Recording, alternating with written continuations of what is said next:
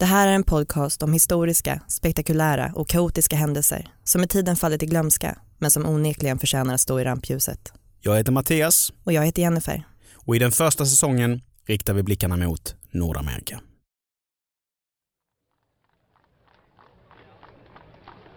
Market Street, San Francisco. Det djupa brummandet från välpolerade Oldsmobiles blandas med ljudet av hovar, spårvagnar och glada tillrop. Stämningen är god. Uppsluppen. En kändis har kommit till stan. Tenoren Enrico Caruso är på alla släppar och ikväll uppträdde han på Operahuset, San Frans Pride and Joy. Vad invånarna inte vet, vad de omöjligt hade kunnat förutspå, är att inom loppet av bara några timmar kommer staden drabbas av ett häftigt skalv. Ett skalv som känns hela vägen från Oregon i norr till Los Angeles i söder. Du lyssnar på Kaos, om jordbävningen i San Francisco.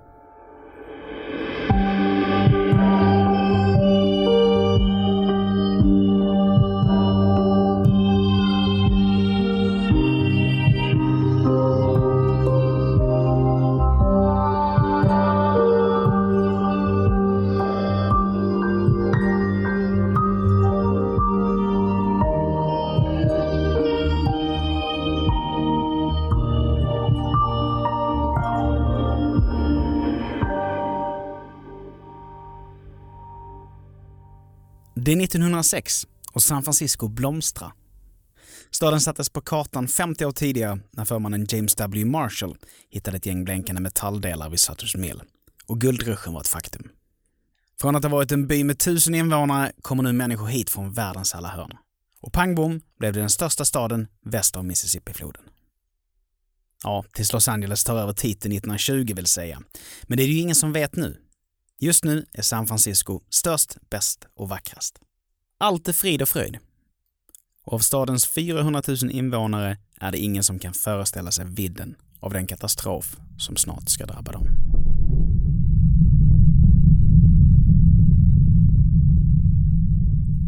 Klockan fem på morgonen den 18 april händer det. Staden vaknar av ett våldsamt jordskalv som mäter 7,8 på Richterskalan.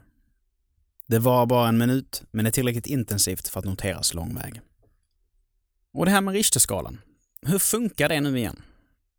Jo, det är alltså ett mått på energiutlösning, det vill säga hur kraftigt ett jordskalv är. Skalan baseras på grundtalet 10, vilket innebär att ett skalv som uppmätts till 6 är 10 gånger starkare än ett på 5. Medan ett skalv på 7 är hela 100 gånger kraftigare än ett på 5. Så i praktiken, om en femma ger kännbara vibrationer så genererar ett skalv på 7,8 omfattande skador där solida och starka byggnationer riskerar att helt totalförstöras. Och det är mitt uppe i det här helvetet som San Franciscos invånare befinner sig just nu. En av dem är den italienska tenoren Enrico Caruso. Han hade somnat gott kvällen innan. Nöjd av sitt framträdande på operan, en riktig dundersuccé. Nu kastar han sig upp på sin säng på Palace Hotel och skyndar sig fram till fönstret. När han drar undan gardinen och tittar ut över staden inser han att allt bokstavligen håller på att rasa samman. Synen får honom att skaka av rädsla. Byggnader välter över varandra och massiva bitar av murverk störtar mot marken. På gatan nedanför hörs höga skrik från män, kvinnor och barn. Han måste därifrån. Tillbaka till New York och första bästa skepp som kan ta honom till Italien. Till hans fru och deras pojkar. Han måste hem. Och hem kommer han till slut. Den världskända operasångaren lyckas fly undan rämnande kåkar och panikslagna folkhopar. När han har staden i ryggen vänder han sig om för att ta en sista titt på förödelsen och lägger märke till ett stort svart moln. För det är ungefär nu, några timmar senare, som det största hotet och det som kommer ödelägga nästintill hela stan slår till. Bränderna. Det våldsamma skalvet har nämligen förstört stadens gasledningar, slagit sönder behållare med kemiska vätskor och kapat tusentals elkablar. Allt detta resulterar i ett brinnande inferno. Ett inferno som får härja fritt i hela tre dagar. För visst är det till och med så jävligt att jordbävningen stryper tillgången till vatten. Man bestämmer sig för att spränga de brinnande kvarteren i hopp om att det ska hindra elden från att sprida sig. Men det är lönlöst.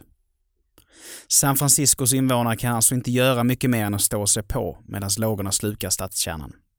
Och ett stort antal offer. Många fastnar mitt i eldsvådans öga och går en ond, bråd död till mötes. Polisen och militärens uppgift blir att rädda dem som räddas kan och bespara folk lidande där det behövs.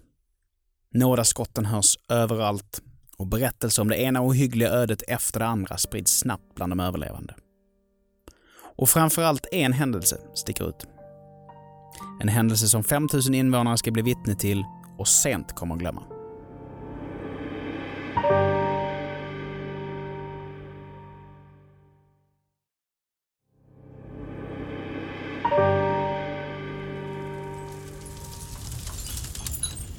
Elden rasar fram längs Market Street. Gatan som för bara ett ögonblick sedan var full av liv och löften täcks nu av smolk och svärta. Slutligen når flammorna Windsor Hotel. En anrik plats med en välbesökt bar som serverar stans bästa Old Fashion. Tre män, vad man vet, befinner sig i byggnaden. Utgångarna har blockerats av murverk och bråte. Det finns ingenstans att ta vägen än upp.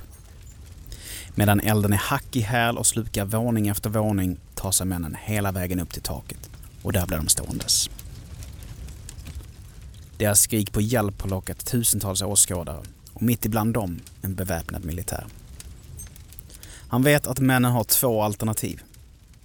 Antingen hoppa mot en snabb och säker död eller vänta tills taket rämnar och elden tar dem. Det går inte att rädda dem och i värsta fall kommer de behöva genomlida extrem smärta innan det slutligen är tack och godnatt. Männen på taket verkar förstå att det kommer att sluta illa. De har fryst till. Alltså de står helt stilla och bara väntar. Dödsångesten har av allt att döma gripit tag i dem och militären inser de kommer inte att hoppa. Nu blir det dags för honom att kliva in och göra sitt jobb. Han höjer sitt vapen. Folkhopen tystnar. Byggnaden skriker. Det är sekunder kvar innan taket kommer att ge vika. Han siktar mot männen och andas in. En av dem vänder blicken och tittar på honom. Tomt. Livlöst. Han andas ut. Ett. Två.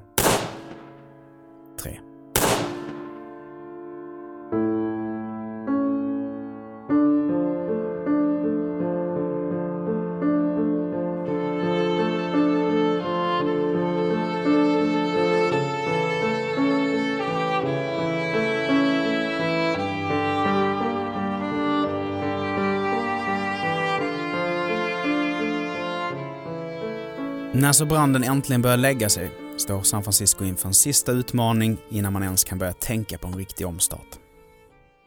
Av 400 000 invånare har nu omkring 300 000 blivit hemlösa. Tillgången på färskvatten är smärtsamt liten och mat finns det inte mycket heller av. Och till råga på allt så har det börjat plundras.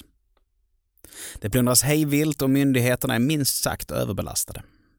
Här vänder man ut och in på sig själv för att mätta tusentals kurrande magar och så beslutar sig ett gäng banditer att ta saken i egna händer och stjäla stora mängder av förnödenheterna.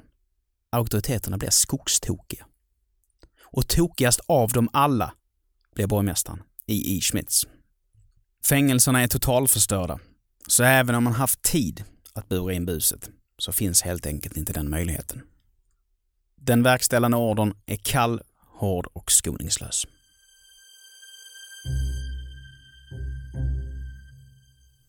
Det har kommit till min kännedom att tjuvar drar nytta av de rådande beklagliga omständigheterna och utför illvilliga handlingar bland ruinerna av vår stad. Samtliga fredsmän beordras härmed att omedelbart döda den som ses plundra eller begå andra allvarliga brott. Borgmästare I.I. Schmitz. Ja, borgmästaren menar allvar. Militären och polisen bildar enad front mot laglösheten och en vild jakt på stadens rövare påbörjas. Att katastrofer tenderar att ha en desperat effekt på människor har man alltså inte överseende med. Här gäller det att sitta ner i båten och vänta på att få sin hunger stillad. Eller dö.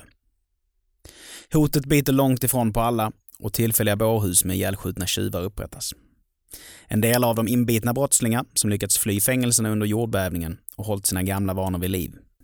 Men även mängder av förstagångsförbrytare som kanske aldrig kommit på tanken att stjäla om inte skalvet och bränderna tagit allt de ägt och levt av. För att summera. På bara några dagar så har en praktfull metropol förvandlats till ett dystopiskt ruinlandskap.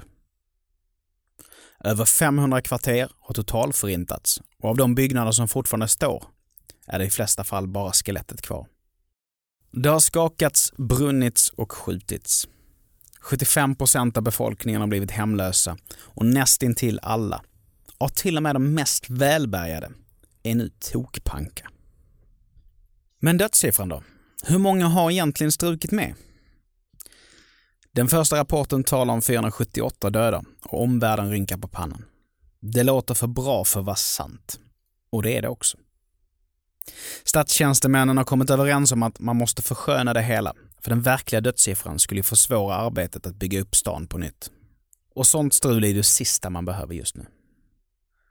Men det dröjer inte länge innan luftslottet sprängs och den verkliga siffran läcker ut.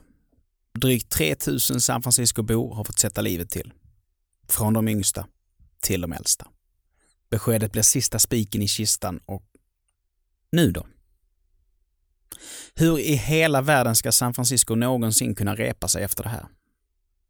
Faktum är att det går långt mycket smidigare än man hade kunnat tro. När husresterna är undanröjda och de omkomna omsorgsfullt begravna träder en tom yta med stor potential fram. San Francisco var tidigare känd för sina trånga gränder och svårframkomliga gator.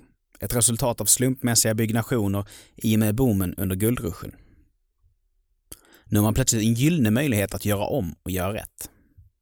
Entusiastiska stadsplanerare från hela Nordamerika söker sig till platsen och tillsammans med San Francisco-borna inleds skapandet av en ny och förbättrad metropol. Och vilken metropol det blir! Logisk, elegant och eftertraktad. Fågel Fenix har rest sig ur askan och ett sörjande barskrapat folkslag kan äntligen påbörja återhämtningen efter vad som ska gå till historien som den värsta jordbävningen som någonsin drabbat en amerikansk stad. Och det tar oss hela vägen fram till idag. Det är 2019 och San Francisco är en av världens mest älskade städer. Hem åt 880 000 människor och med maffiga nationalklenoder som Golden Gate-bron, Alcatraz och Fisherman's Wharf. Alla stora byggnader är säkrade för jordbävningar och man lämnar ingenting åt slumpen. Minnena från 1906 ekar högt. Och har forskarna rätt så kommer stan drabbas av ett liknande skalv igen om runt 20 år. Men hej, de är i alla fall bättre förberedda. If you're going to San Francisco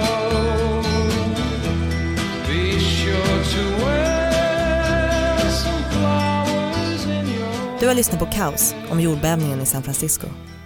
Källorna som används är history.com, sfinfo.org rödakorset.se och tidskrifterna Populärhistoria och Illustrerad vetenskap.